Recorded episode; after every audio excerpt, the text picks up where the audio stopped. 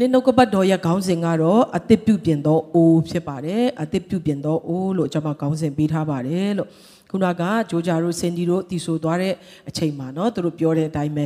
လူလောကကြီးကတော့ကျွန်တော်တို့အားနည်းနိုင်တဲ့အရာတွေလဲကျနိုင်တဲ့အရာတွေအင်တန်မှများပြားပါတယ်เนาะပဝင်းချင်းကိုကြည့်ရင်ကိုကိုကိုကြည့်ရင်เนาะကိုယ့်ရဲ့အခြေအနေကိုကြည့်ရင်ပညာရေးလူမှုရေးစီးပွားရေးကဏ္ဍပေါင်းစုံမှာကျမတို့ကိုဆွဲချမဲ့အရာတွေကအများကြီးရှိတယ် ကျမတို့တွေကလည်းအားလုံးကယုံကြည်သူပဲဖြစ်ဖြစ်เนาะအမှုတော်ဆောင်ပဲဖြစ်ဖြစ်ခရိယန်ဖြစ်တာတက်တန်းဘလောက်ပဲကြာကြာကျမတို့ကအားနေတတ်တဲ့လူသားတွေဖြစ်တယ်နော်တစ်ချိန်လုံးအားကြီးနေတဲ့လူမရှိဘူးရိုက်ခတ်မှုတစ်ခုခုလာတဲ့အခါမှာခံစားချက်မှာဝင်လာတယ်နှလုံးသားထဲမှာဝင်လာတယ်အခြေအနေကိုကြည့်ရင်ပေတျုလိုပဲကျမတို့လည်းရေထဲကိုနစ်မြုပ်ဖို့အကြိမ်ကြိမ်နော်ကြုံရတဲ့လူသားတွေဖြစ်ပါတယ်လို့ ဒါကြောင့်ကိုယ့်ရဲ့အခြေအနေကိုပဲကြည့်မယ်ကိုယ့်ရဲ့ခွန်အားကိုပဲကြည့်မယ်ဆိုရင်တော့တင်းနဲ့ကျွန်ုပ်ကအားနေသွားမယ်ပြန်တော့မှမထနိုင်တော့တဲ့အခြေအနေမှာရောက်သွားနိုင်တယ်သို့တော်လည်းဝမ်းမြောက်စရာကောင်းတာကကျမတို့မှာဘုရားခင်ရှိတယ်ဟာလေလုယာ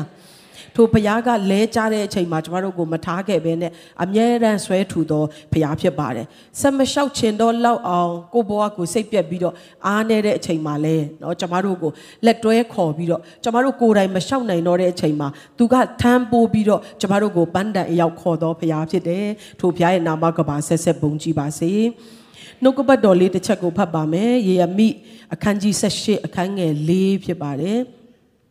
အိုးမြေဖြင့်လှုပ်သောအိုးသည်အိုးထိန်သမားလက်၌ပျက်စီးသောကြောင့်သူသည်အလိုအလျောက်အသစ်ပြုပြင်၍အခြားသောအိုးကိုလှုပ်ပြန်လေ၏တဲ့နော်အချို့သောဒီကျမ်းစာရဲ့ version တွေမှာကျွန်မကြည့်တဲ့အခါမှာ NLT မှာဆိုရင်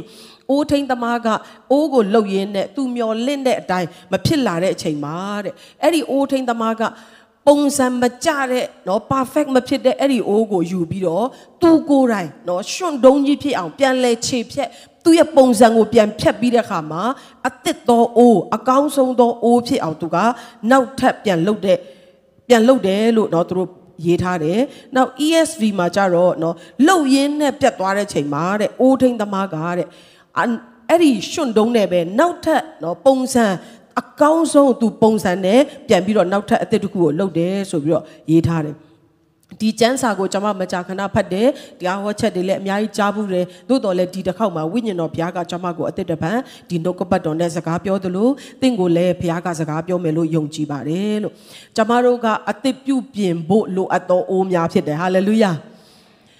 တခါတလေမှာကိုကိုကြီးတဲ့ခါမှာစိတ်ပြတ်တယ်နော်အစင်မပြေဘူးဟိုအိုးတွေပါလေလှုပ်တဲ့ခါမှာ error တက်တယ်လို့ပေါ့နော်အာဒါကတော့အစင်မပြေဘူးဥမာကျွန်တော်တို့ဟင်းတွေပါချက်တယ်စားလို့မကောင်းဘူးဆိုရင်တခါတလေတိတ်မနှမျောဘူးနော်လုံးဝအစင်မပြေဘူးဆိုရင်တုံပစ်လိုက်ပြီးတော့နောက်ထပ်အသစ်ချက်ပြီးတော့စားတာပေါ့နော်ဒါပေမဲ့ဖះကကြတော့ကျွန်တော်တို့ကိုအဲအစင်မပြေတိုင်းလွတ်ပစ်တဲ့ဖရားမဟုတ်ပဲနဲ့အဲ့ဒီရွှွန့်ကိုပဲပြန်ယူပြီးတော့အကောင်းဆုံးသောအိုးဖြစ်ဖို့ပြန်လှုပ်တော်ဖရားဖြစ်တယ်ဟာလေလုယာ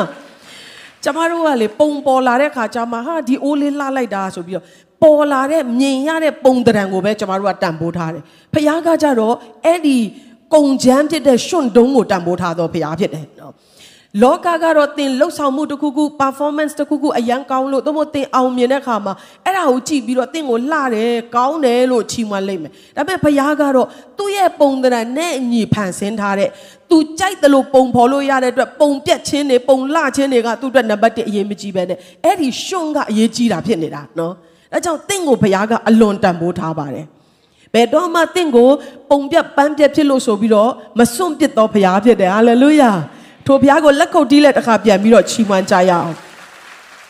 ကျမတို့အားလုံးသိတဲ့အတိုင်းပဲအိုးထိန်ဆိုတာကတော့အိုးကိုပြုတ်လုတော်သူဖြစ်တယ်တနည်းအားဖြင့်ဘုရားခင်ကိုပုံဆောင်တယ်အိုးမြေဆိုတာကတော့ရွှွန့်တုံးပေါ့အိုးလုံးလို့ရတဲ့မြေပေါ့နော်အဲ့ဒီမြေတနည်းအားဖြင့်ရွှွန့်တုံးကတော့ကျွန်တော်ကျမတို့ရဲ့အသက်တာကိုပုံဆောင်ပါတယ်လို့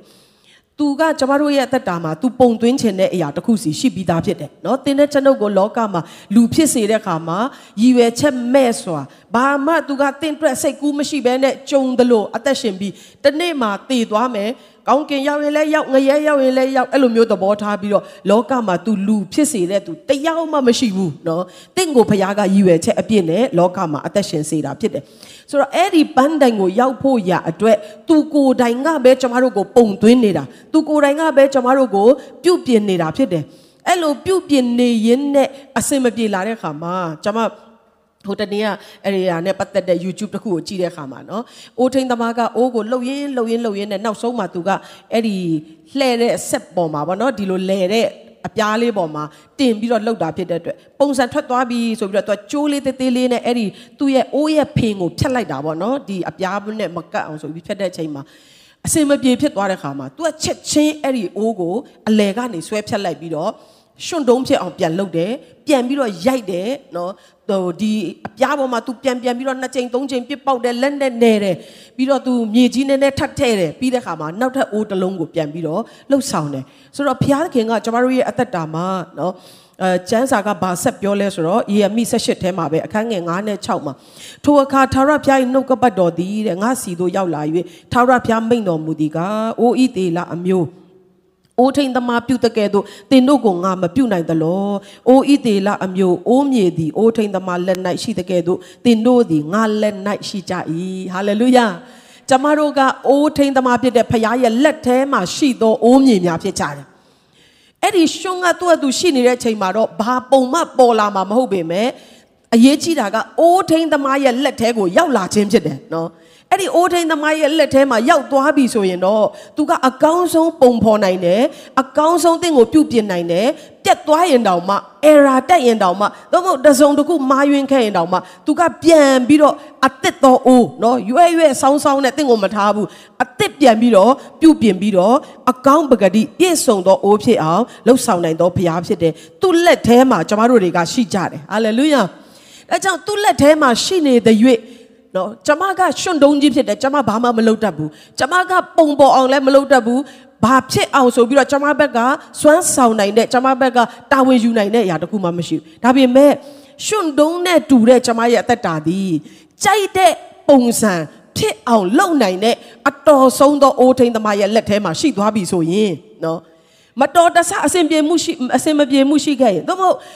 ပိုပုံဖော်ခြင်းတဲ့ပုံစံတိုင်းမထွက်ခဲ့ရင်လည်းစိတ်ပျက်စရာမရှိဘူး။ तू ကမရမချင်းပြန်ပြန်ပြီးတော့လုပ်တယ်။ဟာလေလုယာ။ဟာလေလုယာ။အဲနေရတော့သွားလိုက်တော့ QC pass မဖြစ်လဲဘာမှမဖြစ်ဘူး။နော်တထေးတွေမဝယ်ရင်လည်းနေဆင်းရဲသားအိမ်မှာပေါ့နေပေါ့ရှော့စင်းနဲ့ငါရောင်းမယ်မပြောဘူးနော်ဖခင်က။ဟာလေလုယာ။ပုံမပေါ်မချင်းနော်ရေအိုးဆိုလဲရေအိုးပေါ့နော်အဲရေခွက်ဆိုလဲရေခွက်တစုံတစ်ခုကို तू ကလှုပ်ဆောင်တယ်ဆိုရင်အပြည့်စုံဆုံးဖြစ်တဲ့အထိအဲ့ဒီ အိုးထိန်သမားရဲ့လက်တော်ကအဲ့ဒီရှွန့်တုံးကိုပြုတ်ပြင်ပြုတ်စုသွားတာဖြစ်တယ်ဆိုတာကိုကျွန်တော်တို့နားလည်ရတယ်အနားမှာရှိတဲ့လူကိုပြောရအောင်ငါတို့ကအသစ်ပြုတ်ပြင်တော့အိုးဖြစ်ဖို့လိုတယ်လို့ပြောရအောင်ကျမအရန်ခွန်အားရတာကကျမသာဆိုရင်တော့တိတ်အစင်မပြေဘူးဆိုလွတ်ပစ်လိုက်မှာဒါပေမဲ့ဖခင်ကပုံစံပေါ်မှချစ်တာမဟုတ်ပဲနဲ့နော်အဲ့ဒီရှွန့်တုံးကြီးကိုပဲငါပုံပေါ်အောင်လုပ်နိုင်တယ်လို့တာဝန်ယူတော်ဖခင်ဖြစ်တယ်ဟာလေလုယာ ကျမတို့ဘာမှမတတ်နိုင်ဘူးဆိုတာသိရနဲ့သူကတာဝန်ယူတော်ဖရားဖြစ်တယ်ကျမတို့ရဲ့အသက်တာတွေကသူ့လက်ထဲမှာရှိနေတဲ့၍ဘာမှစိုးရင်စရာမလိုဘူးဆိုတာကိုယနေ့အသက်တဖန်ပြန်ပြီးတော့ခွန်အားယူဖို့ဖြစ်ပါတယ်လို့ဆိုတော့အသက်ပြုတ်ပြင်သောအိုးလို့ပြောတဲ့အခါမှာအစင်မပြေမှုတစ်ခုခုရှိလို့ဖြစ်တယ်နော်ရွဲ့သွားတယ်ဆောင်းသွားတယ်သို့မဟုတ်အဲရင်ွေးကြရအိုးလုံးမယ်ဆိုရင်အဲနှခမ်းက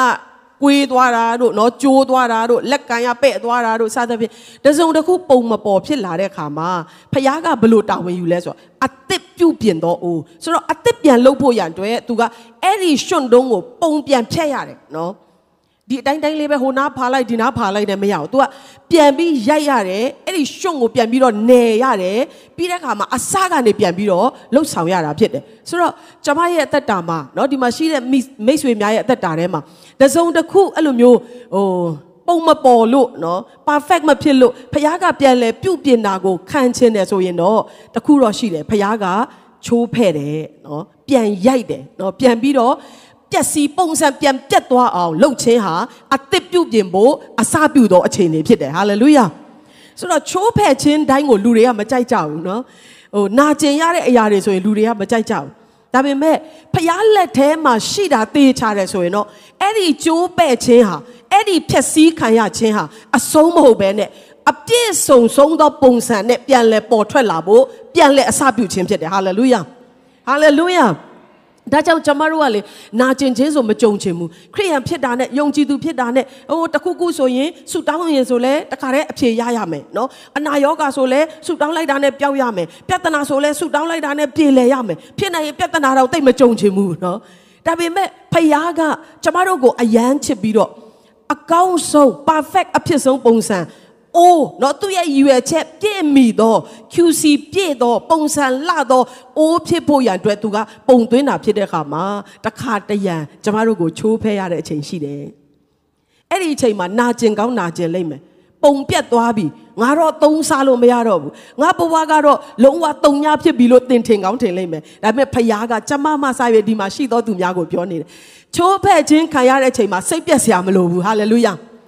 ကိုဟာကိုကြိုးသွားပြီးကိုဟာကိုပဲ့သွားပြီးတော့ကိုဟာကိုနော်အစင်မပြေဖြစ်သွားတယ်ဆိုတော့တမျိုးပေါ့ဒါပေမဲ့ကျမတို့ကအိုးထိန်သမားရဲ့လက်ထဲမှာရှိသောသူများဖြစ်တယ်ဟာလေလုယာဟာလေလုယာတင့်ကိုနာနာပြန်ထုတယ်တင့်ကိုပြန်ပြီးတော့ပုံစံပြက်အောင်လှုပ်ဆောင်တယ်ဆိုရင်လေအဲ့ဒီအချိန်မှာလုံးဝဝမ်းနည်းစရာစိတ်ပြက်စရာနော်ကိုဘဝကိုလွတ်ပြက်လိုက်စရာအကြောင်းမရှိဘူးဖရားလက်ထဲမှာပဲပြန်လဲအနံဖို့ဖြစ်တယ်အာမင်ဟာလေလုယာ ဟာလေလုယာဟာလေလုယာသင်ကိုသိချစ်တဲ့ဘယ်တော့မှမစွန့်ပြစ်တဲ့ဖရားကိုလက်ခုပ်တီးလက်အသက်တစ်ဖက်ပြန်ပြီးတော့ချီးမွမ်းကြရအောင်ကျမ်းစာထဲမှာနော်ချိုးဖဲ့ခြင်းတွေအမျိုးမျိုးကျွန်တော်တို့တွေ့ရပါတယ်ဂိဒေါင်တို့ဆိုလို့ရှိရင်လည်းသူတို့အဖွဲ့ကမိဒီယန်လူတွေကိုအောင်မြင်ဖို့ရန်အတွက်စစ်ချီသွားတဲ့ချိန်မှာဖျားလှုပ်ခိုင်းတဲ့အရာကဘာလဲဆိုတော့မြေအိုးကိုရိုက်ခွဲခိုင်းတယ်နော်အဲ့ဒီအရာကသူတို့ကြောက်နေရတဲ့ရန်သူတွေကိုနိုင်နှင်းဖို့ရအကြောင်းဖြစ်လာခဲ့တယ် ကျမတို့မကြာခဏပြောတဲ့မုံငါးလုံးနဲ့ငါးနှကောင်ဖဲလိုက်တဲ့အချိန်ကြာမှာပဲနော်အဲ့ဒီမုတ်ကိုဖဲတယ်အဲ့ဒီငါးကိုဖဲတဲ့ခါကြာမှာပဲလူ9000ကျော်ကဝါလင်စွာပူရှန်စွာစားရတာဖြစ်တယ်ဟာလေလုယာ။ အမျိုးသမီးကမာရိကယေရှုကိုဒီလောကကိုကြွလာရခြင်းရဲ့အတိကအကြောင်းရင်းဖြစ်တဲ့အပြစ်သားများအတွက်အသေးခံမဲ့အကြောင်းသူကဘာလုပ်လဲနာတုစီမွေအင်မတန်အဖိုးတန်သောရေမွေးကိုသူကရိုက်ခွဲပြီးမှခရစ်တော်ရဲ့ကိုယ်ခန္ဓာကိုပူဇော်သောအသက်တာဖြစ်ခွင့်ရတယ်ဟာလေလုယာ ဟာလေလုယာဒီတဲ့ရိုက်ခွဲခြင်းတွေချိုးဖဲ့ခြင်းတွေဆိုတာကလေအဲ့ဒီနေရာကအဆုံးမဟုတ်ဘူးဒီလိုချိုးဖဲ့လိုက်ခြင်းအပြင်ဒီလိုပြန်လဲပုံသွင်းလိုက်ခြင်းအပြင်သင်ကဘာပြန်ဖြစ်လာမလဲအဆုံးမဆိုတာကိုမြင်ပြီးမှဘုရားကရိုက်ချိုးတာဖြစ်တယ်အာမင်ဟာလေလုယာဟာလေလုယာနောက်ဆုံးသောညစာစားပွဲမှာယေရှုကမုတ်ကိုဖဲ့တယ်အသက်မုံဖြစ်တဲ့ခရစ်တော်ကသူ့ရဲ့အသက်တာကိုချိုးဖဲ့လိုက်တဲ့ချိန်မှာ လူတိုင်းအတွက်စားစရာကောင်းကင်အသက်မုတ်ကျမတို့ကိုထာဝရအသက်ကိုပေးသောသခင်ဖြစ်လာခဲ့တယ်ဟာလေလုယာဟာလေလုယာဟာလေလုယာအစင်မပြေတဲ့အချိန်မှာပြန်ဖြတ်တယ်နော်ကြည့်လိုက်ရင်တော့အာတခါတည်းခုနကမှနည်းနည်းပုံပေါ်ပြီးသားဖြစ်နေပြီမဟုတ်ဘူးလားဘာလို့အခုရှင်တုံးကြီးပြန်ဖြစ်သွားတယ်လဲမကြေမနက်ဖြစ်เสียအကြောင်းရှိတယ်ဒါပေမဲ့အဲ့ဒီအချိန်မှာလေဖခင်ကနင်ကပုံစံမကြဘူးနင်ကငါထပ်ပြီးတော့မလို့ချင်တော့ဘူးဆိုပြီးတော့စွန့်ပစ်တာမဟုတ်ပဲနဲ့ သူပြန်ပုံသွင်းတဲ့ချိန်မှာဒီတစ်ခါကြာရင်တော့လုံးဝပြည့်စုံတော့အိုးလှပတော့အိုးနော်အပြစ်အနာစာကင်းတော့အိုးဖြစ်ဖို့ဆိုပြီးတော့သူ့ရဲ့ဒီအတွေးခေါ်ထဲမှာသူ့ရဲ့ယူပါယုံထဲမှာဘာပုံထွက်လာမလဲဆိုတာကိုသေချာပေါက်မြင်ပြီးမှအဲ့ဒီပုံစံကိုသူကဖျက်တာဖြစ်တယ်ဟာလေလုယာဒါကြောင့်ကျမတို့ရဲ့အသက်တာထဲမှာလည်းဖခင်ကရိုက်ချိုးတဲ့အချိန်တွေရှိတယ်။ကြိုးပဲ့စေသောအချိန်တွေရှိတယ်။ကြေမွတယ်လို့ခံစားရတဲ့အချိန်တွေရှိတယ်။ဒါပေမဲ့ စာတန်ကတော့ကျမတို့ကိုလာပြောလိမ့်မယ်မင်းဘဝသုံးစားလို့မရတော့ဘူးမင်းကနော်ပုံစံလုံးဝပြတ်သွားပြီနေ့ရဲ့ဘဝကနော်အခုရှွန့်တုံးကြီးပြန်ဖြစ်သွားပြီလို့ပြောလိမ့်မယ်ဒါပေမဲ့ကျမတို့ပြန်လဲပြီးတော့ထိုးစာတန်ကိုပြန်ပြောရအောင်ငါကအလှပဆုံးပြန်လဲပေါ်ထွက်လာမဲ့သူဖြစ်တယ်ဟာလေလုယာဟာလေလုယာဟာလေလုယာ စာတန်ကတော့တင့်ရဲ့အတွေးခေါ်ထဲမှာအမြဲတမ်းသူကတော့လာမှာပဲเนาะလိန်လေတော်သူဖြစ်တဲ့အတွက်ကဲ့ရဲ့မှာပဲအာမင်းပြန်ပေါ်ပုံပေါ်လာစရာအကြောင်းမရှိတော့ဘူးနင့်ရဲ့ဘဝကနင်တို့တိုင်းပြည်ကတော့ပြန်ပြီးတော့ပုံပေါ်လာစရာအကြောင်းမရှိတော့နင်တို့မိသားစုကတော့အဖေသေးပြီဆိုတော့လုံးဝเนาะပုံပေါ်လာစရာမရှိတော့ဘူးဘာမှနင်တို့ရဲ့အသက်တာထဲမှာမျောလင့်စရာမရှိတော့ဘူးကြည်လေအခုလက်ရှိအခြေအနေကိုကြည်လေလို့ပြောလိမ့်မယ်ဒါပေမဲ့ကျမတို့ဒီကိုဟာကိုပြန်ပုံဖော်မှာမဟုတ်ဘူး ကျမတို့ကိုကင်တဲ့ဘုရားရဲ့လက်တော်ကပြန်ပုံဖော်มาဖြစ်တယ်အဲ့ဒီဘုရားရဲ့လက်တော်ကဘယ်တော့မှအာမနေဘူးအဲ့ဒီဘုရားရဲ့လက်တော်ကတအားပြက်စီးလို့ငါတော့မတတ်နိုင်တော့ဘူးလို့လက်လျှော့ရမယ့်အရာတစ်ခုမှမရှိဘူးကျမတို့ကိုအမြဲတမ်းငါအကောင်းဆုံးပြန်လုပ်ပေးနိုင်တယ်လို့တာဝန်ယူတော်ဘုရားကကျမတို့ကိုးကွယ်တော်ဘုရားဖြစ်ပါတယ်ကျမတို့ကြိုးပဲ့ချိန်မွားတဲ့အခါမှာလေတကယ်တော့အမျက်ထွက်တယ်နော်တကယ်တော့အမျက်ထွက်တာဖြစ်တယ်ဘာလို့လဲဆိုတော့ အဆောင်အတိုင်းပဲသွားတယ်ဆိုရင်ကျမတို့ကပြန်ပြီးနော်ကောင်းစရာမရှိတော့ဘူးအပဲ့အတိုင်းပဲဆက်သွားတယ်ဆိုရင်ကျမတို့ကပြန်ကောင်းလာစရာမရှိတော့ဘူးနည်းနည်းပါးပါးချိတ်ရထင်တဲ့အရာနည်းနည်းပါးပါးအစင်မပြေတဲ့အရာရှိရင်တောင်မှအဲ့ဒီမာအကြီးကြီးမားမားမားရွင်းတဲ့အရာကထိုတစ်တစ်မွားမွားများကိုပင်လေဖုံးကွယ်ပြီးတော့အစ်စ်ပြန်ဖြစ်ဖို့အကြောင်းဖြစ်တယ်ကျွန်မကျမ်းစာထဲမှာကြည့်တဲ့အခါမှာ34ခုမြောက်သောစာလံအပိုက်ငယ်16 18မှာ ဖြောင်းမတ်သောသူတို့သည်အော်ဟစ်သောအခါသာရဖျားသည်နားထောင်၍သူတို့ကိုခတ်သိမ်းသောဆင်းရဲထဲကကယ်လွတ်တော်မူ၏သာရဖျားသည်ကျိုးပဲ့သောစိတ်ရှိသောသူတို့နှင့်နှလုံးကြေကွဲသောသူတို့ကိုနီးတော်မူ၏နောင်တရှိ၍စိတ်နှိမ်ချသောသူတို့ကိုလည်းကယ်တင်တော်မူ၏ဟာလေလုယာကျမတို့တက်တာကျိုးသွားပြီပဲ့သွားပြီသုံးစားလို့မရတော့ဘူးထင်ရတဲ့အချိန်မှာတကယ်တော့ကျမတို့ကဖျားနဲ့တာ၍နီးခွင့်ရတာဖြစ်တယ် တက်ကြောင်တော့ကျမတို့အသက်တာမှာလေလူအမျိုးစုံဖះနဲ့အတူသွားလာတယ်နော်ဘလောက်ပဲသင်ဟာခရိယာတက်တန်းရင့်ပြီးတော့နော်ဘလောက်တောင်မှပဲအမှုတော်ဆောင်ပဲဖြစ်ပါစေကျမတို့တက်တာထဲမှာဖះကပြန်ပြန်ပြီးတော့ကျမတို့ကိုကြိုးပဲ့ခြင်းထဲမှာပို့ဆောင်တဲ့အချိန်ရှိတယ်အဲ့ဒါကကျမတို့ကိုအနိုင်ကျင့်ခြင်းလို့မဟုတ်ဘူးကျမတို့ကိုညှင်းဆဲခြင်းလို့မဟုတ်ဘူးเนาะ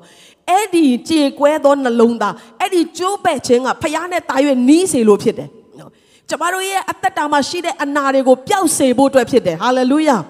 စာတန်ကအဲ့ဒီအချိန်ဟာကျမတို့ဆုံးရှုံးတဲ့အချိန်လို့ပြောနေပေမဲ့တကယ်တော့အဲ့ဒီအချိန်ဟာကျမတို့အတွက်အမျက်ထွက်သောအချိန်ဖြစ်တယ်ကျမတို့ရဲ့မကြမ်းမာသောကဏ္ဍတွေမှာကြမ်းမာဖို့နဲ့ကျမတို့ပန်းတိုင်ကိုရောက်ဖို့အတွက်အစပြုခြင်းဖြစ်တယ်ဆိုတာကိုနားလည်ရတယ်။ကျမအသက်တာကိုကျမပြန်ကြည့်တဲ့အခါမှာနော်အားလုံးတော့ယဉ်နီးပြီးသားဖြစ်ပေမဲ့ဒီအရာနဲ့ပတ်သက်ပြီးတော့အနေငယ်ပြန်တက်သေးခံခြင်းကျမကျမတို့ကငငယ်တုန်းကနော်စာတော်တဲ့ထဲမှာပါတယ်အတန်းထဲမှာဆိုအမြဲတမ်းပထမဒုတိယတတိယအဲ့လိုမျိုးအဲ ခြိတက်လာခဲ့တယ်ပေါ့ဒါပေမဲ့ဆယ်တန်းနှစ်ရောက်တဲ့အခါမှာအဲကျမတို့မောင်နှမတွေထဲမှာဆိုရင်ကျမကအဲဒုတိယသမီးเนาะကျမအမကတော့ तू ကစာစာမေးပွဲအောင်တယ်ဆယ်တန်းမှာ तू ကအရန်ကြီးအုံနောက်မကောင်းပေမဲ့ तू ကအမြဲတမ်းစူးစမ်းတဲ့ဝရိယကောင်းတဲ့သူတယောက်ဖြစ်တဲ့အခါမှာ तू ကစာမေးပွဲအောင်ကျမဆယ်တန်းကျတော့အောင်စင်းထွက်တဲ့ခါမှာကျမတစ်နှစ်ကြာတယ်နော်အဲ့မှာကျမရဲ့ဆရာမတွေကမနေ့ကျတော့ဖုန်းဆက်ကြတယ်သမီးဂုံတုဘယ်နှဘာသာပါလဲဆိုတော့ ကျမစာမိုးပွဲကြားတယ်ဆိုတော့ဘယ်သူမှမယုံဘူးကျမလည်းကိုယ့်ကိုမယုံဘူးနော်ဆိုတော့အရန်ဝမ်းနေပြီးတော့ကျမဘဝပြတ်သွားသလိုခံစားရတယ်နော်လူတွေရှေ့သွားရင်လဲလေတအားရှက်စရာကောင်းသလိုခံစားရတယ်ဖြစ်ချင်တော့ကျမတို့ငယ်ငယ်တော့အောင်စင်းကတနင်္ဂနွေနေ့မှထွက်တာလေနော်အခုတော့ဘယ်အချိန်တွေထွက်ကြလဲမသိအာဘုရားကျောင်းလည်းမသွားချင်တော့ဘူးနော် အာကိုဘဝကလေလူဘုံအလဲမှာလူစင်မမီတော့တဲ့လူတယောက်ဘဝပြတ်သွားတဲ့လူတယောက်အဲ့လိုမျိုးခံစားပြီးတော့နော်တချို့တွေဆိုရင်နော်အဲ့ဒီအချိန်နေအခြေအနေတွေကိုမကြော်လွားနိုင်တဲ့အတွက်အိုးဆယ်တန်းမအောင်တော့လို့ဆိုပြီးတော့တတ်သေးတဲ့လူနဲ့နော်ယောက်ျားနောက်ခိုးပြေးရနောက်လိုက်တဲ့လူနဲ့ဘာနဲ့နော်အဲ့တုန်းကရွှတ်ရွှတ်တွေခတ်နေတာပေါ့ဆိုတော့ကျမကလည်းလေတော်တော်ခံစားရတယ်အိုးငါဆရာဆရာမတွေကလည်းငါ့ကိုဂုံဒူးဘယ်နှဘာသာလဲပဲမေးတာအောင်လားကြာလားဆိုတာစရင်ထဲမှာတော့မတွက်ဘူး အဖေမေကလည်းအယမ်းမျော်လင့်တယ်ငါဘာလို့စာမိုးပွဲကြတယ်လဲနော်ဘာမှဆက်လုပ်ခြင်းစိတ်မရှိတော့လောက်အောင်ကျွန်မစိတ်တကြတယ်ဒါပေမဲ့အဲ့ဒီကျွန်မရဲ့စာမိုးပွဲကြခြင်းဟာယခုအချိန်မှာကျွန်မကိုဒီနေရာကိုရောက်စေမဲ့နှလုံးသားကိုရဖို့အစပြုသောနေရာဖြစ်လာတယ်ဟာလေလုယာဟာလေလုယာကျမတို့ကအပြင်ပန်းကိုတအားစိတ်ဝင်စားတယ်ဘုရားကအတွင်းနှလုံးသားကိုစိတ်ဝင်စားတယ်ဘာလို့လဲဆိုတော့ तू ကောင်းကြီးပေးတဲ့ခါမှာထိမ့်သိမ့်မဲ့အရာကကျမတို့နှလုံးသားဖြစ်တယ်နော် အဲ့ဒီနှလုံးသားအစင်မပြေပဲနဲ့အဲ့ဒီနှလုံးသားမကောင်းစားပဲနဲ့ကျမတို့ကောင်းကြီးဘလောက်ပဲရရရေရှည်မခံဘူးနော်ကောင်းကြီးရလေပျက်စီးလေတောင်ဖြစ်ဖို့အကြောင်းရှိတယ်အဲကြောင့်ကျမရဲ့အဲ့ဒီအချိန်မှာမျောလင့်ချက်မဲ့စွာနော်ငါစာတော်ပါတယ်ငါစာသိမ့်မချက်လဲရပါတယ်ငါအမြဲတမ်းအတန်းထဲမှာပထမဒုတိယတတိယအမြဲတမ်းဝင်တယ်ဆိုတော့မတိလိုက်တဲ့အချိန်မှာကိုကိုကိုအရန်အားကိုတဲ့နှလုံးသားကြီးကအဲ့ဒီအချိန်မှာကြေမွသွားတယ်နော်အဲ့ဒါနဲ့ကျမလုံးဝနလန်မထူနိုင်လောက်အောင်ဖြစ်တယ် အဖေမေကကြတော့လဲတနင်္ဂနွေနေ့လုံးဝအပြတ်မခံဘူးနော်ဘလောက်ပဲရှက်စရာကောင်းကောင်းတွားရမယ်ဘလောက်ပဲနေမကောင်းဖြစ်ပါစေတွားရမယ်ဆိုတော့အဲ့ဒီမှာကျွန်မလည်းတရွတ်တိုက်ဆွဲပြီးတော့နော်ကိုယ့်ရဲ့အသက်တာကိုပါလာရင်ပါလာရင်နဲ့အချိန်အတော်တန်တစ်ခုရောက်လာတဲ့ခါမှာအော်ဖခင်ကငါအတွက်တစ်ခုခုတော့အကြံစီရှိမှာပါဆယ်တန်းစာမွေးပွဲကြတာကငါဘဝရဲ့အဆုံးမဟုတ်သေးပါဘူးဆိုပြီးတော့အတက်နိုင်ဆုံးကျွန်မပြန်လဲပြီးတော့ဖခင်ကျေးဇူးတော်တက်တက်ကြောင့်ပြန်လဲမတ်တရက်လာတယ် ကျမစိတ်ထဲမှာဒီတခါစာမိုးပွဲကြတာတော့သင်ငန်းစာပဲဒါဆိုရင်ငါလုံလို့ရတဲ့ထဲမှာအကောင်းဆုံးအမြင့်ဆုံးကိုရောက်ဖို့အတွက်ငါဆက်ကပ်မယ်ဘုရားစီမှာဆုတောင်းမယ်ဆိုပြီးတော့နောက်တစ်နှစ်မှာတော့ဘုရားကျေးဇူးတော်ကြောင့်ကျမတို့ခင်မှာဆိုရင်အီကိုရဖို့ဆိုတာနော်အမတ်တော်တော်ကောင်းမှရတာဖြစ်ပေမဲ့ကျမအီကိုနဲ့အီကိုအမတ်မီစွာဆယ်တန်းကိုကောင်းကောင်းလေးနော်တော်တော်လေးအမတ်များများနဲ့ကျမအောင်မြင်တယ်အောင်မြင်တဲ့အခါမှာကျမအီကိုတက်တယ် eco တက်ပြီးတဲ့ခါမှာအဲနောက်မှာဒီ MBA နဲ့ကျောင်းပြီးတယ်ပြီးသွားတဲ့ခါမှာအဲ့ဒီအရာကကျမကိုအကောင်းဆုံးစင်ကာပူနိုင်ငံမှာဖခင်ရဲ့အမှုတော်ဆောင်နိုင်ဖို့အကောင်းဆုံးသောလုပ်ကိုပေးတော်ပညာရေးတစ်ခုဖြစ်လာတယ်ဟာလေလုယာဟာလေလုယာတခါတလေမှာကျမတို့ကလေအိုးလဲကျသွားပြီဆုံးရှုံးသွားပြီနော်ပျက်စီးသွားပြီလို့ထင်တဲ့အချိန်တစ်ခုဟာတကယ်တမ်းတော့ဖခင်ကကြီးမားသောကောင်းခြင်းမင်္ဂလာနဲ့ ပေးလို့ရတဲ့အသက်တာပုံသွင်းလို့ရတဲ့အသက်တာဖြစ်ဖို့ရန်အတွင်းနှလုံးသားအတွင်းလူကိုသူကပြုစုသောအရာများဖြစ်တယ်ဆိုတာကိုကျွန်တော်တို့နားလည်ရတယ်။ဒါနဲ့အတူနဲ့ပြောမယ်ဆိုရင်ကျွန်မအဲတစ်ချိန်မှာတော့ဒီ ကျမတို့ first year လောက်ပဲရှိမယ်။ကျောင်းတက္ကသိုလ်တွေတစ်ခါပြန်ပိတ်သွားတဲ့ခါမှာကျမဖိလစ်ပင်းမှာကျန်းစာကျောင်းသွားတက်တယ်။တက်တဲ့အချိန်မှာကျမကတော့အဲ့ဒီကဆီယာမကကျမတို့မိသားစုနဲ့အရန်ချစ်တဲ့ခါမှာကျောင်းတွေပိတ်တယ်လာပါနော်ဘာဖြစ်ဖြစ်ဒီမှာခဏလာတက်ပါတစ်ချိန်လုံးခေါ်တော့အဲဟုတ်ပြီလေသွားလိုက်မယ်ဆိုပြီးတော့နော်အတင်းတော်မှာလည်းတက်နိုင်တဲ့လောက်အများတန်းပါဝင်တာပဲဆိုပြီးကျမကသွားတယ် သွားတော့ကကျမဒီဒီလိုမျိုးအချိန်ပြည့်နော်တသက်လုံးအချိန်ပြည့်ဓမ္မမှုတော်ဆောင်လုပ်ဖို့ဆုံးဖြတ်ချက်နဲ့သွားတာမဟုတ်ဘူးဆိုတော့သွားတယ်သွားပြီးတော့ကျမတို့နွေရာသီအဲ sorry Christmas အချိန်မှာကျမဒီဘာဂီကနေပြီးတော့မနီလာမှာရှိတဲ့အမျိုးတွေနဲ့တွေ့ဖို့ Christmas ကိုအဲဆင်နွဲဖို့ဆိုပြီးတော့ဆင်းလာတဲ့ချိန်မှာဘတ်ကားဂိတ်ရောက်တဲ့ချိန်မှာသူတို့စီမှာကအရန်ကိုဒီကပိုက်နိုင်တို့ဘာလို့တအားကိုများတဲ့ခါကြတော့เนาะအဲကျမရဲ့ဒီဆွဲကြိုးကိုအနောက်ကနေပြီးတော့ blade ဓာတ်နဲ့သူတို့ကဖြတ်တယ် ဖြတ်ဖြတ်တော့ဒီဆွဲကြိုးလဲပါသွားတယ်ပြီးရင်ဒီနားမှာလဲနော်ဓာဘလိတ်ဓာတန်ရာတွေကြံခဲ့ပြီးတော့သွေးတွေထွက်တယ်ကိုမျက်စိရှေ့မှာပဲလမ်းတစ်ဖက်ကိုကူးပြီးတော့သူတို့ကအုပ်စုလိုက်ဘယ်သူမှလည်းမကူညီရဲဘူးနော်ဆိုတော့အဲ့ဒီမှာကျွန်မအယမ်းထိတ်လန့်တယ်နော်ဘာဖြစ်လို့ငါကျွန်မဒီဟာကြုံရတယ်လဲနော်ငါသွေးကြောတွေဘာတွေထိပြီးတော့နော်သွေးတားထွက်တယ်ဆိုငါသေမှာနော်တကယ်တော့ငါဘဝလုံခြုံမှုမရှိဘူးဟာကျွန်မအယမ်းထိတ်လန့်ပြီးတော့နှစ်ညလောက်အိတ်မပြောဘူးနော် အဲ့ရင်တောင်မှချက်ချင်းအိမ်မက်ဆိုးတွေမဲ့ပြီးတော့နိုးလာလဲလောက်ထိဖြစ်တယ်တကယ်တော့ကြည့်မယ်ဆိုရင်ဆုံးရှုံးခြင်းနဲ့တူတယ်ဒါပေမဲ့အဲ့ဒီအချိန်မှာကျွန်မနှုတ်ကပတ်တော်ပတ်ပြီးတော့ဘုရားထဲမှာပြန်ခွန်အားယူတဲ့အခါမှာဘုရားကဘာပြောလဲဆိုတော့မင်းရဲ့အသက်ကမင်းလက်ထဲမှာမရှိဘူးလောကအရာတွေကဘယ်တော့မှမတည်မြဲဘူးတည်မြဲတဲ့အရာကငါပေးတဲ့ထာဝရအသက်ပဲရှိတယ်ငါအတွက်အချိန်ပြည့်မှုတော့ဆောင်မလုပ်ချင်ဘူးလားဟာလေလုယာ စာရန်ကတော့သူ့ရဲ့ဆွဲကြိုးကိုငါဖြတ်မယ်သူ့ကိုထိတ်လန့်အောင်လုပ်မယ်သူ့ကိုအယမ်းကြောက်အောင်လုပ်မယ်ဒါဆိုရင်သူကအဲစန်းစာကြောင်းတော့ဆက်မတက်တော့ဘဲနဲ့လက်လျှော့ပြီးပြန်သွားမယ်လို့စာရန်ကလှုပ်ဆောင်တာဖြစ်ကောင်းဖြစ်မှာပေါ့လေသို့တော်လဲထိုပျက်စီးတယ်လို့ထင်ရတဲ့အခြေအနေထိုအနှုတ်လက္ခဏာလို့ထင်ရတဲ့အခြေအနေထဲမှာဖခင်ကကျမတို့နှလုံးသားကိုအမြဲတမ်းပြုစုပြီးတော့သူလိုချင်တဲ့ပုံစံထွက်အောင်သူရောက်စေချင်တဲ့နေရာကိုရောက်အောင်အမြဲတမ်းပုံသွင်းပြုပြင်တော်ဖခင်ဖြစ်တယ်ဟာလေလုယာ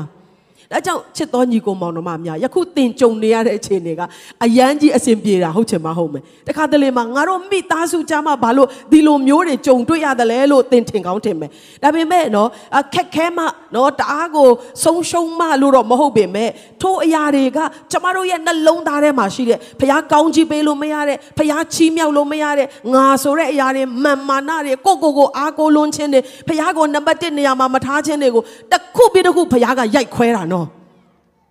အဲ့ဒါကကျမတို့ဖယားကိုမျော်လင့်လာတာနဲ့အမျှဖယားကိုကိုးစားလာတာနဲ့အမျှရမဲ့ကောင်းကြီးတွေကအင်မတန်များတဲ့အတွက်ဖယားကတင်းရဲ့အတွင်းလူကိုပြုစုနေခြင်းဖြစ်တယ်ဟာလေလုယာဟာလေလုယာ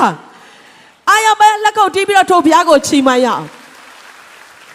စာတန်ကတော့အမြဲတမ်းရှုံးနေတော်သူဖြစ်တယ်စာတန်ကအစိုးကြံစီသမျှဖယားကကျမတို့အတွက်အကောင်းဆုံးအဖြစ်နဲ့ပြောင်းလဲပေးတော်ဖယားဖြစ်တယ်ယောသရဲ့အသက်တာအ ကြိမ်ကြိမ်လဲကျစရာကောင်းတယ်အကြိမ်ကြိမ်လက်လျှော့အရှုံးပေးစရာကောင်းတယ်ဒီလိုမျိုးအိမ်မက်ယူပါရုံနဲ့မမက်ဘူးဆိုရင်တောင်မှဒီလောက်ငါဒုက္ခရောက်မှာမဟုတ်ဘူးအဲ့ဒီအိမ်မက်ကြောင့်ပဲငါကရေတွင်းပြက်သေးကိုရောက်တယ်အဲ့ဒီအိမ်မက်ကြောင့်ပဲယူပါရုံကြောင့်ပဲငါအဖေနဲ့ငါခွဲရတယ်အဲ့ဒီယူပါရုံကြောင့်ပဲငါဂျွန်ဘွားရောက်တယ်အဲ့ဒီယူပါရုံကြောင့်ငါဒီမဒင်းကောင်ဖြစ်တဲ့ထောင်ထဲကိုရောက်တယ်တော်ပြီလို့လွတ်ပြက်ခြင်းစရာကောင်းပေမဲ့အဲ့ဒီ process တစ်ခုစီတိုင်းမှာဆုံးရှုံးတယ်လို့ဖြစ်တဲ့အခြေအနေတိုင်းမှာဖျားသည် အင်မတန်မှကြီးမဲ့ကြီးမားသောနေရာမှာအမြင့်ဆုံးသောအရာမှာချီးမြှောက်တော့မှာဖြစ်တဲ့အတွက်ဒီအတွင်းနှလုံးသားကိုသူကပြုစုနေတာဖြစ်တယ်ဟာလေလုယာဟာလေလုယာ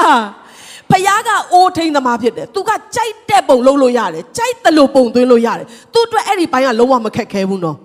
ဆိုတော့သူကဒီကျိုးပဲ့သောနှလုံးသားအဲ့ဒီပြန်ပြီးတော့ပုံသွင်းဖို့ရအတွက်အစင်သင့်ဖြစ်သောရှွန့်တုံးဖြစ်ဖို့ရအတွက်ပဲသူက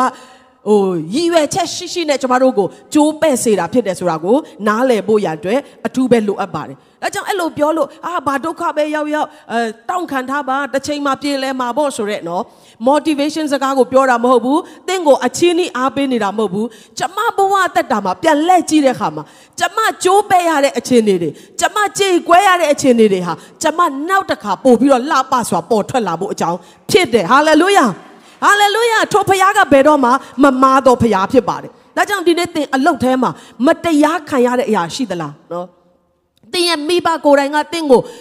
ဆက်ဆံတဲ့နဲ့ပုံစံနဲ့မဆက်ဆံမဲနဲ့သင်ဟာအမြဲတမ်းကြေကွဲနေရတော်သူဖြစ်သလား။သို့မဟုတ်သင်ရဲ့ဇနီးတွေကသင်ရဲ့ခင်ပွန်းတွေအားသင်ကိုတစ်ချိန်လုံးနာကျင်စေတယ်။သင်ကသူများနေတူပုံစံမပြတ်နေလို့မရဘဲနဲ့သင်ရဲ့ဘဝဟာအမြဲတမ်းကြေကွဲခြင်းနဲ့ပဲအမြဲတမ်းနာကျင်ခြင်းနဲ့ပဲပုံပြတ်ပန်းပြတ်ဖြစ်နေတယ်ဆိုရင်စိတ်မပူနဲ့သင်ဟာဖရားလက်ထဲမှာရှိသောရှင်တာဖြစ်ပါစေ။ကိုတော်ကအကောင်းဆုံးအသက်ပြုတ်ပြင်သောအိုးဖြစ်နဲ့ပြန်လဲပေါ်ထွက်စေမှာဖြစ်တယ်။ဟာလေလုယာ။ဟာလေလုယာ။ဟာလေလုယာ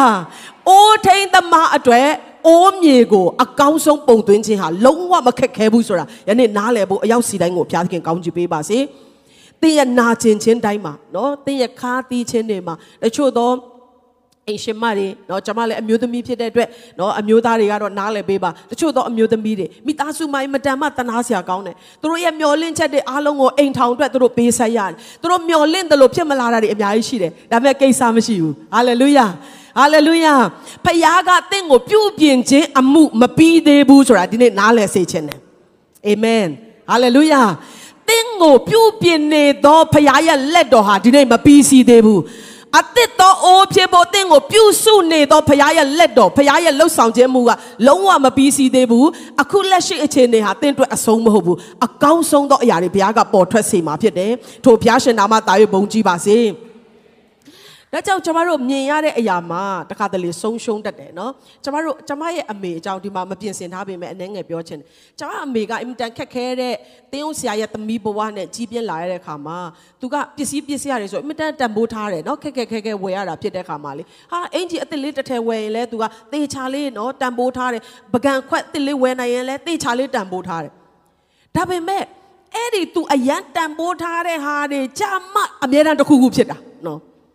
အင်ကြီးအသက်ဝယ်လာတဲ့မိဘူးတိုက်ရင်နော်မိဘူးကျွန်းသွားပြီးတော့ဟိုသုံးလို့မရတော့တဲ့အထိဖြစ်တယ်တခါမှဆိုရင်ကျမတို့အရန်ငယ်သေးတဲ့အချိန်ပေါ့နော်ကလေးမျိုးမှာကျမတို့ဖခင်ကအိမ်တလုံးပေးတယ်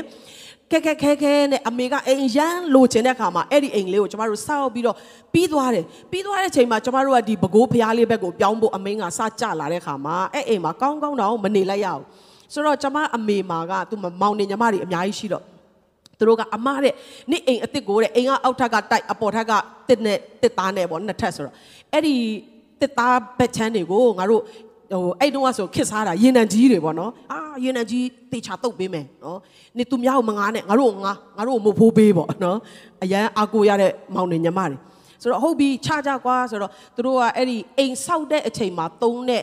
အကျန်းလုတ်ထားတဲ့မိဖို့ကြောင့်အဟောင်းလေးရှိတယ်နော်ကတ်လေးတွေထရံလေးတွေနဲ့ပေါ့မဖြတ်ရသေးဘူးဆိုတော့အဲ့ဒီမှာသူတို့ကရေနံကြီးတုတ်ဖို့ရအတွက်ဖျောင်းကိုကြိုးတယ်မလုတ်ဘူးတဲ့အလုတ်မလုတ်တတ်တဲ့အလုတ်ဖြစ်တဲ့ခါမှာအဲ့ဒီဖျောင်းကြိုးတဲ့အိုးကြီးကမီးပေါ်မှာပြုတ်ကြပါလေရောပြုတ်ကြတဲ့ခါကျတော့သူတို့ကမပြောရဲပဲနဲ့အဲ့ဒီဟာကိုကြောက်ကြောက်လန့်လန့်နဲ့အဲ့ဒီအိုးကိုဘေးမှာရှိတဲ့ဒုတ်ချောင်းနဲ့ ကလော်ပြီးပြစ်လိုက်တဲ့ခါကျတော့ထရံကိုဆွဲသွားပြီနော်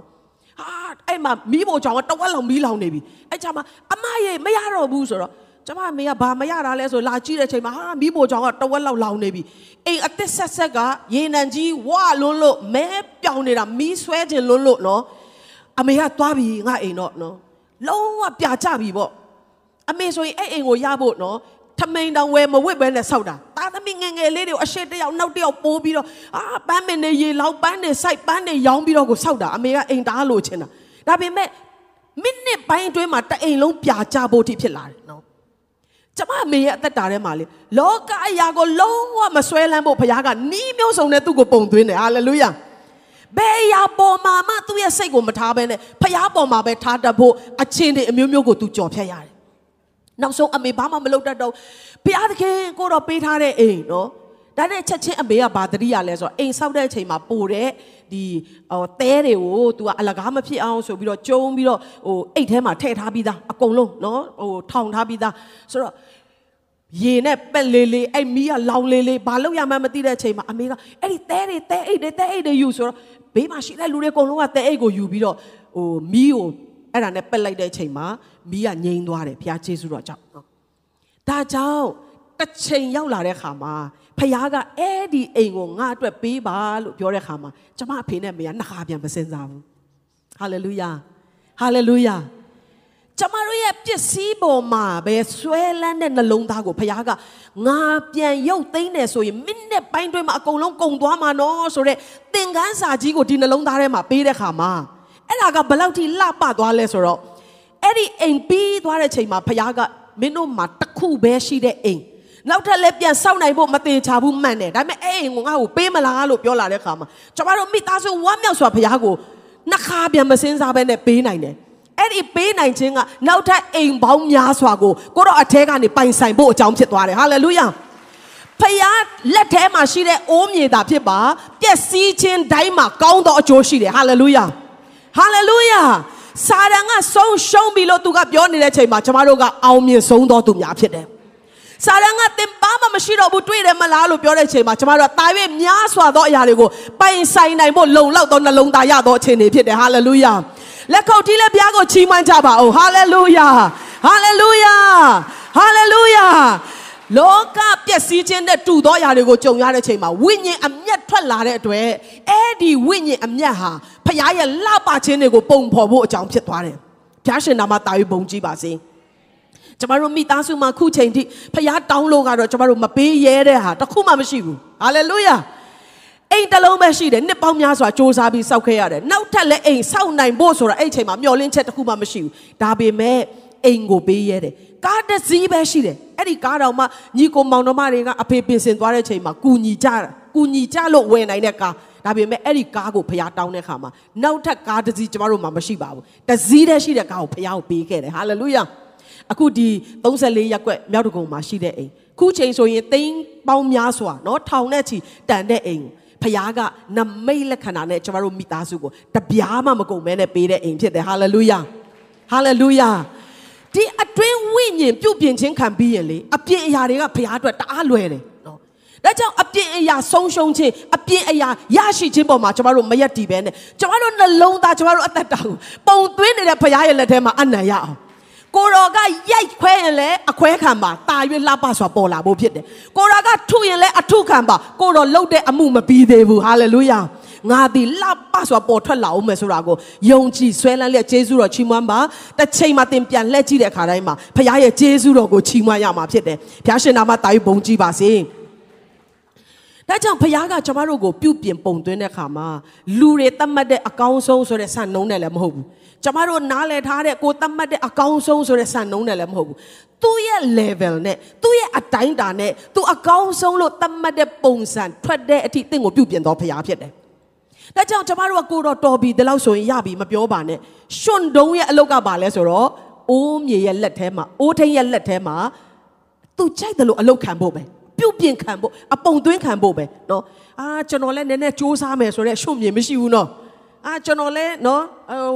ကိုတော့ဘာပုံလုတ်ချင်တာလဲနည်းနည်းပြောလေကျွန်တော်လည်းစူးစမ်းကြည့်ပါပေါ့နော်ပြောတဲ့မြေရွှွ့မြေမရှိပါဘူး तू လုတ်ရတဲ့အလုတ်ကပုံသွင်းတဲ့အတိုင်း shape လုတ်တဲ့အတိုင်းထွက်လာဖို့ရအတွက် လုံးဝကိုးစားအနံ့တော့အသက်တာရှိဖို့ပဲအာမင်ထိုကဲ့သို့အသက်တာရှိတော်သူကိုဖခင်ကအမြဲတမ်းအကောင်းဆုံးပြန်လည်ပြီးတော့အသက်ပြုတ်ပြင်နိုင်တော့ဖခင်ဖြစ်တယ်အသက်ပြုတ်ပြင်တယ်လို့ပြောတဲ့အခါမှာရွဲ့နေတာကိုတဲ့အောင်လုပ်တာတော့မဟုတ်ဘူးနော်အကောင်းဆုံးအစကနေပြန်လဲပြီးတော့အနာအစာမရှိအောင်ပြုတ်ပြင်ပြီးတော့အသစ်ဖန်ဆင်းသောဘုရားကကျွန်တော်တို့ရဲ့အကောင်းဆုံးသောအိုထိန်သမားဖြစ်ပါတယ်။ဒါကြောင့်เนาะကျွန်မအခုတလောကိုယ့်ရဲ့အသက်တာထဲမှာလဲဆင်ခြင်မိတဲ့အရာက အပြုတ်ပြင်ခံခြင်းနော်အပုံသွင်းခံခြင်းဆိုတာကတနည်းအားဖြင့်နာခံခြင်းဖြစ်တယ်နော်ခရိယအသက်တာမှာအရေးကြီးဆုံးကနာခံခြင်းနာခံသောအသက်တာရှိဖို့ဘုရားခင်လိုတော်ရှိတယ်ဟာလေလုယာစကားနားထောင်သောခရိယံဖြစ်ဖို့ဘုရားခင်တင့်ကိုမျှော်လင့်တယ်နော်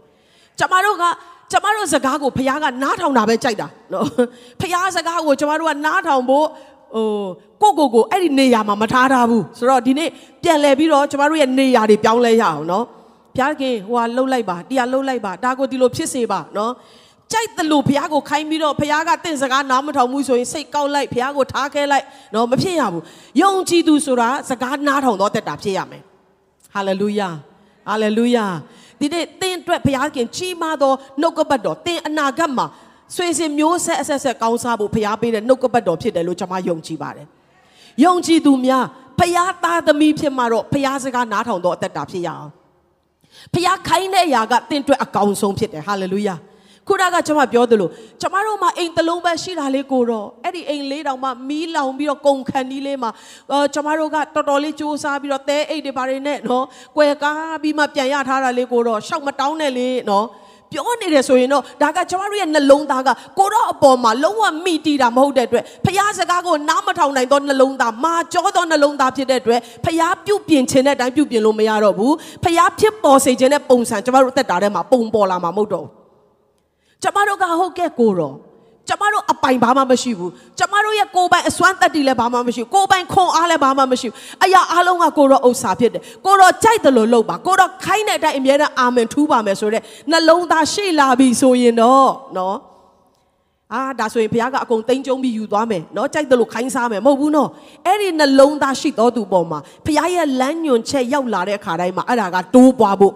အဲ့ဒါကကောင်းစားဖို့အဲ့ဒါကနောက်တစ်ဆင့်ဘုရားရဲ့ကောင်းမြတ်ခြင်းကိုမြည်ဆန်းရတော့ခွေရှိဖို့ရာအတွက်ဖြစ်ပါတယ်ဖခင်ကဘယ်တော့မှတင့်ကိုအရှုံးကိုပေးတော့ဖခင်မဟုတ်ဘူးဆုံးရှုံးခြင်းထဲမှာနှစ်မွန်းစေတော့ဖခင်မဟုတ်ဘူးတခုခုတောင်းတိုင်းမှာတခုခုခိုင်းတဲ့ခါတိုင်းမှာတာ၍မြင့်သောအရက်ကိုခေါ်ဆောင်ခြင်းဖြစ်တယ်အာဗြဟံစီမှာမင်းမှာတစ်ယောက်ပဲရှိတဲ့သားတင်းအရန်ချစ်တဲ့သားငါ့ကိုပေးစမ်းလို့ပြောတဲ့ခါမှာသူ့ရဲ့နှလုံးသားကိုစမ်းတက်နေတာဖြစ်တယ်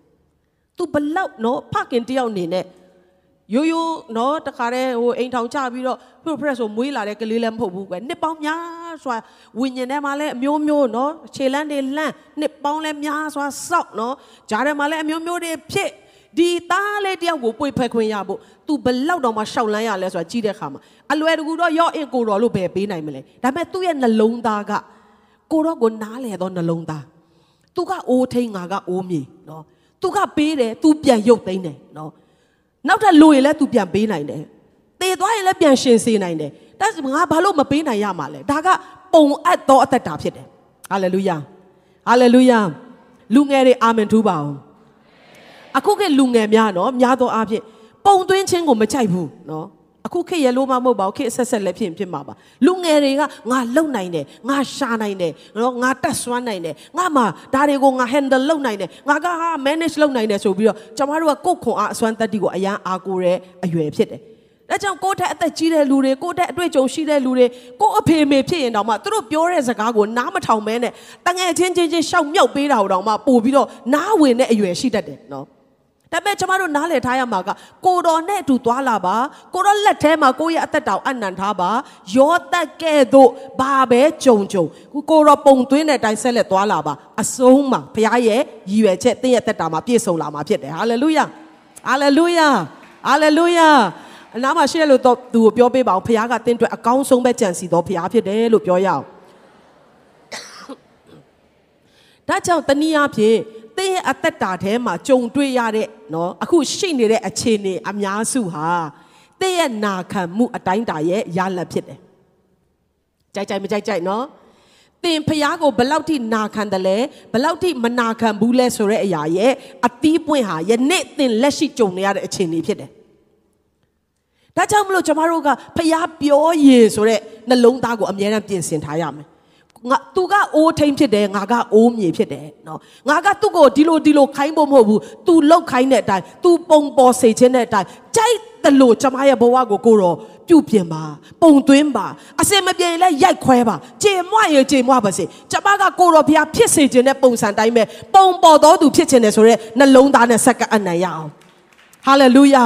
အဲ့ဒီလိုအနံ့သောအသက်တာဟာဘယ်တော့မှအရှုံးမရှိဘူး ဘယ်တော့မှတော့လက်ဗလာနဲ့ပြန်သွားရတယ်ပုံမပေါ်ဘဲနဲ့ရွဲ့ဆောင်းပြီးပြန်သွားရတယ်ဆိုတာမရှိဘူးတစ်ချိန်မှာတည့်ရဲ့အသက်တာဟာဖရာသခင်ပြုပြင်ခြင်းအပြင် perfect ဖြစ်သောအမတန်မှလှပပြီးတော့အနာစာမရှိတဲ့အိုးအဖြစ်နဲ့ပေါ်လာဖို့ရန်အတွက်ဘုရားခင်ကတာဝန်ယူတော်ဘုရားဖြစ်တယ်ဟာလေလုယာဒါကြောင့်သင်ဟာစကားနားထောင်သောနှိမ်ချသောเนาะနာခံသောယုံကြည်သူဖြစ်ဖို့ရန်အတွက်အထူးပဲလိုအပ်ပါတယ် ကျမရဲ့သက်တာမှာလဲအော်ငါကအမှုတော်ဆောင်ဖြစ်သွားပြီဒါကြောင့်ငါကပြုတ်ပြင်ခြင်းဘုရားရဲ့ပြုတ်ပြင်ခြင်းမလိုတော့ဘူးငါကပြည့်စုံသွားပြီလို့ဘယ်သူမှမပြောနိုင်ဘူးကျမတို့အားလုံးဟာဘုရားကပြုတ်ပြင်နေစေအိုးတွေဖြစ်တယ်ဟာလေလုယာပုံသွင်းနေစေအိုးတွေဖြစ်တယ် ဒီတဲ့ပို့ပြီးတော့လှပဖို့ဒီတဲ့ပို့ပြီးတော့ပြည့်စုံဖို့ရအတွက်လိုအပ်ရင်ဘုရားကအချို့သောကဏ္ဍတွေမှာတင့်ကိုကြေမွစေမှာဖြစ်တယ်အချို့သောကဏ္ဍတွေမှာတင့်ကိုရိုက်ချိုးမှာဖြစ်တယ်အချို့သောကဏ္ဍတွေမှာတင့်ကိုနာကျင်စေမှာဖြစ်တယ်ဒါပေမဲ့ဘုရားကိုလုံးဝလက်မလွတ်ဘဲနဲ့ဆက်ပြီးတော့ခြိတက်ရအောင်လို့အရောက်တိုင်းကိုထပ်မံနှိုးဆော်လိုပါတယ်ဟာလေလုယာဟာလေလုယာဒါကြောင့်ဘုရားစကားတစ်ခုကြားလာတဲ့အခါမှာလေမှတ်တမဲ့မထားပါနဲ့နော်ပြစ်ဆက်လက်ကမထားပါနဲ့ကျမ်းစာကဘာပြောလဲဆိုတော့ဘုရားစကားဒီဘုရားကိုယ်တိုင်ဖြစ်တယ်တဲ့နော်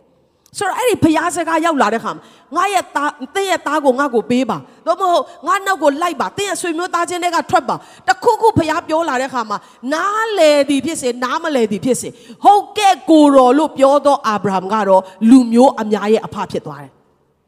ယုံကြည်ခြင်းရဲ့ဖခင်ဖြစ်သွားတယ် အသွေးသားနဲ့အမျိုးမတော်တဲ့တပားမျိုးသားများပင်လေယုံကြည်ခြင်းအပြင်အာဗြဟံရဲ့သားသမီးဖြစ်ခွင့်ရတယ်ဆိုတာကတောင်မှကျွန်တော်တို့အတွက်အယံကိုကြီးမားသောအခွင့်အရေးဖြစ်လာတယ်ဟာလေလုယာဟာလေလုယာဒါကြောင့်ကျွန်တော်တို့ကနားလည်မှဘုရားစကားနားထောင်မယ်မဟုတ်ဘဲနဲ့ဘုရားကတခုခုပြောလာတဲ့ခါမှာငါအမြဲတမ်းဟုတ်ကဲ့လို့ပြောမယ်ငါအမြဲတမ်းနာခံမယ်ဆိုတဲ့နှလုံးသားရှိရအောင်ခရိယတက်တာမှာဘာကြောင့်နာခံခြင်းကတအားအရေးကြီးတယ်လဲဆိုတော့နော် အာဒံနဲ့အေဝါကစကားနားမထောင်ခြင်းအပြင်လူသားမျိုးနွယ်တစ်ခုလုံးကဘာမှအပြစ်မလုပ်ခင်မှာပင်လေအပြစ်သားဖြစ်သွားတယ်အသီးစားလို့နံပါတ်1မဟုတ်ဘူးနော်စကားနားမထောင်လို့စားတဲ့အသီးကအစိတ်တောက်ဖြစ်သွားတာမဟုတ်ဘူးဖခင်ကမစားနဲ့လို့ပြောတဲ့အရာကိုစားလိုက်တဲ့အတွက်မနာနားမထောင်ခြင်းမနာခံခြင်းကလူသားမျိုးနွယ်တစ်ရက်လုံးကို ပြုတ်ကျစေတာနော်ပြတ်တောက်စေတာ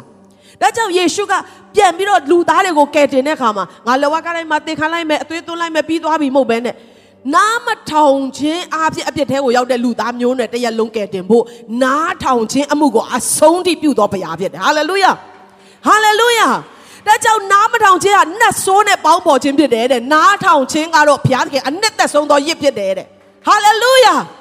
ဟာလေလုယာအခုခေတ်ယုံကြည်သူများကျွန်တော်ကျမတို့ အလွယ်တကူခပ်ပေါ်ပေါ်ခရိယန်တွေမဖြစ်ကြဆိုနဲ့ဖျားစကားကိုတရားမတရားနားထောင်သောခရိယန်များဖြစ်ရအောင်ကိုတော့ဖျားကပြောတယ်ဆိုရင်ပြောတဲ့အတိုင်းဟုတ်ကဲ့လို့အမြဲတမ်းဝန်ခံသောခရိယန်များဖြစ်ကြအောင်နာခံသောနှလုံးသားနဲ့သက်ရှင်ရအောင်ကိုတော့ဖျားလက်ထဲမှာအပြုတ်ပြင်ခံဖို့ရအတွက်ပုံအပ်သောတက်တာနဲ့သက်ရှင်ရအောင်ဟာလေလုယာသင်အားဖြင့်ဘုရားခင်ဘုန်းတော်ကြီးမားစွာထင်ရှားခြင်းတာဖြစ်တယ်ကျေးဇူးပြုနားမှာရှိလို့ပြောပေးပါဦးနာခံသောနှလုံးသားရှိမှဘုရားသင်ကိုသုံးလို့ရမယ်လို့ပြောရအောင် နောအေးကဘလောက်နားထောင်လဲမိုးတခါမှမရွာဘူးဘူးရေတခါမှမကြီးဘူးဘူးသူနားလေတလောက်ပဲနားထောင်မယ်ဆိုရင်တော့မိုးရွာလာတဲ့အချိန်မှာနောက်ကျသွားပြီဒါပေမဲ့နားမလဲတော့လဲနားထောင်ခဲ့တယ်ဟာလေလုယာဟာလေလုယာဒီနေ့မှာဖျားစကားလို့သိပြီဆိုတာနဲ့နားခံနိုင်တော့နားထောင်နိုင်တော့ဟုတ်ကဲ့လို့ပြောနိုင်တော့သူများဖြစ်ဖို့အရောက်တိုင်းကိုဖျားကောင်းချီးပေးပါစေ။ ကျမဘဝမှာနှစ်ပေါင်းများစွာကျမတောင်းတဲ့ဆုတစ်ခုရှိတယ်ဘုရားစီမှာကိုတော်လို့သမီးကကိုတော်ဖန်ဆင်းထားသောသူတယောက်ဖြစ်တယ်ကိုတော်ပြောရင်ကိုတော်ဒါကတော့ဘုရားပြောတာပဲလို့သမီးနားလည်ရင်လုပ်မယ်ဒါပေမဲ့နားမလည်တော့မလုပ်ဘူးလို့နော်ဒါကြောင့်ကိုတော်ဖန်ဆင်းထားတဲ့သမီးကိုကိုတော်ကဘလို့စကားပြောရင်နားလည်နိုင်မလဲဆိုတာကိုတော်အသိဆုံးပဲဒါကြောင့်ကိုတော်ပြောချင်တဲ့စကားဆိုရင်တော့နားလည်တဲ့အထိပြောလို့ကျွန်မဘုရားကိုစိန်ခေါ်ထားတယ်နော်ပြောကိုတော် တေချာပေါက်ကျမစိတ်ဝိညာဉ်ထဲမှာဒါတော့ဘုရားစကားပဲလို့နားလဲပြီဆိုရင်တော့ကျမကနားထောင်ပါလို့နားမလဲမချင်းတော့စောက်မှာဒါကြောင့်ကိုတော့နားလဲတဲ့နီလန်းတဲ့စကားပြောနော်လို့အမူအရာနဲ့ပြလို့မရရင်စကားနဲ့ပြောစကားနဲ့ပြောလို့မရရင်စာနဲ့ရေးပြနော်ကိုတော်ကတကယ်စိန်ခေါ်ရင်တကယ်နားထောင်ခြင်းနဲ့နှလုံးသားနဲ့နာခံခြင်းနဲ့နှလုံးသားနဲ့တောင်းနေဆိုရင်နားလေအောင်ပြောပြနိုင်တော်ဖရားဖြစ်တယ်အဲ့ဒီနားလေတဲ့အရာကိုနာခံလာတဲ့လူတယောက်ရဲ့အသက်တာမှာတော့နော် အတိုင်းစမရှိသောဖခင်ရဲ့ဘုန်းတော်နဲ့တကိုးတော်ကိုကျွန်တော်တို့မြင်တွေ့ရတာဖြစ်တယ်ဟာလေလုယာဟာလေလုယာနာခံသောနားလေနားလေသည်ဖြစ်စေเนาะတခါတလေနားမလဲဘာကြောက်ဆိုတာနားမလဲတောင်မှနောအေကဲ့သို့တင်ယုံကြည်ခြင်းနဲ့လိုက်လျှောက်သက်ရှင်နေဆိုရင်เนาะအဲ့ဒီနာခံခြင်းအပြင်အကောင်းဆုံးသောဘုရားရဲ့လက်တော်ကိုမြင်တွေ့ရမှာဖြစ်တယ်ဆိုတော့ရှင်တုံးကိုအိုးပုံစံလုတ်တယ်ဆိုပါတော့နော်အိုးပုံပေါ်လာပြီဒါပေမဲ့အဲ့ဒီအရာကိုသုံးလို့ရဖို့ ခိုင်ခန့်တဲ့အိုးဖြစ်ဖို့ဘာလို့ရလဲဆိုတော့မီးထဲမှာထည့်ဖုတ်ရတယ်အဲ့ဒီအဆင့်ဟာယုံကြည်သူတွေလုံးဝမကြိုက်တဲ့အရာပဲကိုတော့ဒီမီးထဲတော့အစင်မပြေဘူးထင်တယ်နော်တခြားနီလန်တစ်ခုခုလုပ်ပါနော်ဒီလိုမျိုးပူလောင်တဲ့အရာတွေဒီလိုမျိုးဒုက္ခရောက်တဲ့အရာတွေထဲမှာတော့သမီးတို့ကိုမဖြတ်ကျော်စေပါနဲ့ယေရှုနာမ၌နော်အဲ့ဒီနေရာမှာအရန်အာကြည့်ပြီးတော့မောင်းတောင်ထုတ်လိုက်သေးတယ်နော်တချို့သောအရာတွေတင်မောင်းထုတ်တိုင်းမထွက်ဘူးနော်ဖြတ်ကျော်ကိုဖြတ်ကျော်ရတဲ့အရာတချို့ရှိတယ် အဲ့ဒါကတင်ခိုင်ခန့်ဖို့အတွက်ဖြစ်တယ်တင်ကအိုးဒီအိုးလေးလှလိုက်တာဆိုတော့မဟုတ်ဘဲနဲ့နော်သုံးလို့ရတဲ့အိုးဖြစ်ဖို့နော်အလှကြည့်တာတော့နော်အဝေးကနေခက်လန်းလန်းနေကြည့်ပြီးတော့အဲဒီဟာလေးမဆိုးဘူးဆိုပြီးတော့အလှပြတာတော့မဟုတ်ဘဲနဲ့တကယ်သုံးလို့ရတဲ့အိုးဖြစ်ဖို့ရအတွက်တော့ခိုင်ခန့်တဲ့အိုးဖြစ်ဖို့ရအတွက်မီးထဲမှာဖြတ်လျှောက်ရတယ်ဒါပေမဲ့တေချာတာကတော့အိုးထိန်ကတော့အဲ့ဒီအိုးကွဲချေဖို့သူမခံနိုင်လောက်တဲ့အပူချိန်ကိုဘယ်တော့မှမပြီးဘူး ဒါကြောင့်ကျမ်းစာကပြောတယ်သင်တို့ကိုတဲ့မခံနိုင်တဲ့စုံစမ်းနောက်ဆက်ခြင်းကိုဖျားမပေးဘူးတဲ့စုံစမ်းနောက်ဆက်ခြင်းကိုကြုံရတဲ့အခါမှာလဲထွက်မြောက်သောလမ်းကိုကြိုတင်ပြင်ဆင်နေတော်ဖျားဖြစ်တယ်ဟာလေလုယာကိုတော်နဲ့အတူသွားလာရအောင်ကိုတော်လက်တော်ထဲမှာကိုဟာအိုးမြေဖြစ်တယ်ဆိုတော့နားလည်ပြီးစိတ်ချလက်ချပုံအပ်ရအောင်နာခံရအောင် ကိုရောကမီးထဲမှာထည့်ရင်လဲစိတ်ချပါငါ့ကိုပိုင်တဲ့ဖခင်ငါ့ကိုအကောင်းဆုံးအိုးဖြစ်အောင်လုပ်နေတဲ့ငါရဲ့အိုးထိန်သမားကတော့ဘယ်တော့မှငါပျက်စီးဖို့မလုပ်ဘူးဆိုတော့သင်ယုံကြည်တယ်ဆိုရင်အဲ့ဒီ process တစ်ခုစီတိုင်းမှာတာ၍ချိုမြိန်တော့တာ၍ကောင်းတော့ဖခင်ရဲ့ကောင်းမြတ်ခြင်းတွေကိုမြည်ဆန်ခွင့်ရမှာဖြစ်တယ်ဟာလေလုယာဟာလေလုယာမောရှေရဲ့အသက်တာဆိုရင်နော် တကယ်ဆိုရင်ဟာကြုံနေတဲ့လူမဖြစ်လိုက်ကောင်းတာကွာငါရွေးချယ်တာလည်းမဟုတ်ဘူး။ဘာကြောင့်ငါကိုကြုံထဲမှာကြုံမျိုးထဲမှာလူဖြစ်စေတယ်လဲလို့ညီးတွားစရာအကြောင်းရှိတယ်နော်။ ဟာဘာကြောင့်ငါကိုဒီလိုမျိုးတွေကြုံစေတာလဲနော်ဒီနန်းတော်ထဲမှာလဲပျော်စရာကောင်းရဲ့သားနဲ့အခုဘာလို့ငါကိုရောက်ခမရဲ့တိုးတွေကြောင်းတဲ့ဘဝနဲ့တောထဲမှာနေရတာလဲ complain တက်မယ်ဆိုတက်စရာတွေအများကြီးပဲဒါပေမဲ့ तू ကြုံတွေ့သမျှအရာအလုံးတို့ဒီတစ်ချိန်မှာဘုရားကသူ့ကိုအကောင်းဆုံးသူ့ရဲ့ရည်ရွယ်ချက်ပြည့်မီအောင်သုံးလို့ရတော့သူဖြစ်ဖို့ပြုစုနေခြင်းဖြစ်တယ် ကျမ်းစာနဲ့ဘလို့ကြိုက်မကြိုက်ဘသူတွေဘလို့တုံတင်လဲတော့မသိပေမဲ့ကျွန်မခွန်အားယူတာကနန်းတော်ထဲမှာနော်လူသိန်းပေါင်းတန်းပေါင်းများစွာသောကျွန်တွေကိုခေါ်ထုတ်ဖို့ရန်အတွက်ဘယင်နဲ့ deal လုပ်ရမယ်ဘယင်နဲ့စကားပြောရမယ်သူဖြစ်တဲ့အတွက်နန်းတော်ထဲကအတွေ့အကြုံလိုအပ်တဲ့ခါမှာနှစ်ပေါင်း40ဘုရားကထားထားတယ်နော်တော်နန်းတော်ထဲမှာပြီးရင်သူတို့ဒီတောတွေကိုဖျက်ပြီးတော့မှခါနန်ပြည်ကိုသွားရမှာဖြစ်တဲ့အတွက်တောတဲ့အတွေ့အကြုံရဖို့နောက်ထပ်နှစ်ပေါင်း40ဟာလေလုယာ ကြည်လိုက်ရင်နန်းတော်အတွေ့အကြုံတောထဲကအတွေ့အကြုံနှစ်ခုကဘာမှမဆိုင်ဘူးဒါပေမဲ့ဤသေးလာလူမျိုးများကိုကယ်ထုတ်မဲ့အမှုမှာနှစ်ခုစလုံးလိုတယ်ဘုရားခင်တင့်ကိုကြုံတွေ့စေတဲ့အရာတစ်ခုမှအချီးနှီးမရှိဘူးဟာလေလုယာဟာလေလုယာလောလောဆယ်ပုံမပေါ်သေးပေမဲ့တစ်ခုနဲ့တစ်ခုချိတ်ဆက်လာတဲ့အခါမှာအင်မတန်မှလှပတဲ့ဘုရားရဲ့အကြံစီကိုသင်မြင်တွေ့ရမှာဖြစ်တယ်။ဒါကြောင့်တခါတည်းကျမတို့ဘဝမှာ ဖျားသုံးလို့ရတဲ့ဖျားပုံဖော်ခြင်းနဲ့အိုးလိုမျိုးမထွက်လာသေးတဲ့ခါမှာဖျားပြန်ရိုက်ခွဲတဲ့ချိန်ရှိတယ်ဖျားကပြန်ပြီးတော့ကျမတို့ကိုနော်နယ်တဲ့ချိန် ဖိတဲ့အချိန်ပြန်ပြီးတော့နော်ဘာပုံမှမပေါ်တဲ့ဘလုံးပထွေးကြီးနဲ့ရှင်တုံးကြီးလိုပြန်ဖြစ်တယ်လို့ခံစားရတဲ့အချိန်ရှိတယ်တခါတလေပုံပေါ်နေပြီလေကိုတော့တော်ရောပေါ့ဒီလောက်ဆိုအရန်လာနေပြီမဟုတ်ဘူးမင်းငါကခိုင်ခိုင်ခန့်ခန့်နဲ့သုံးလို့ရတဲ့အသက်တာဖြစ်စေချင်တာသွားလိုက်အောင်မိတဲ့ကိုဆိုပြီးတော့ပို့တဲ့အချိန်လည်းရှိတယ်အဲ့ဒီအရာတွေအားလုံးကဖရာသခင်လက်တော်ထဲမှာကျမတို့အသက်တာကိုအနမ်းပြီးတော့စိတ်ချစွာသွားလာတယ်ဆိုရင်တော့အလှပဆုံးသော ခိုင်ခန့်ဆုံးသောသုံးလို့ရသောအိုးတွေဖြစ်မယ်။ကျွန်မနောက်ဆုံးနေတဲ့ကျမ်းစာလေးတစ်ပိုက်ဖတ်ချင်တယ်။ယောမအခန်းကြီး၈အခန်းငယ်28မှာဖျားသခင်ကိုချစ်တော်သူဒီဟုသောကြံစီတော်မူခြင်းတိုင်းခေါ်တော်မူသောသူတို့၏အကျိုးကိုခတ်သိမ်းသောအရာတို့သည်တညီတညွတ်တည်းပြုစုကြသည်ကိုငါတို့သိကြ၏ဟာလေလုယာဟာလေလုယာဒီအရာကနှစ်သိမ့်သောကျမ်းစာမဟုတ်ဘူးနော်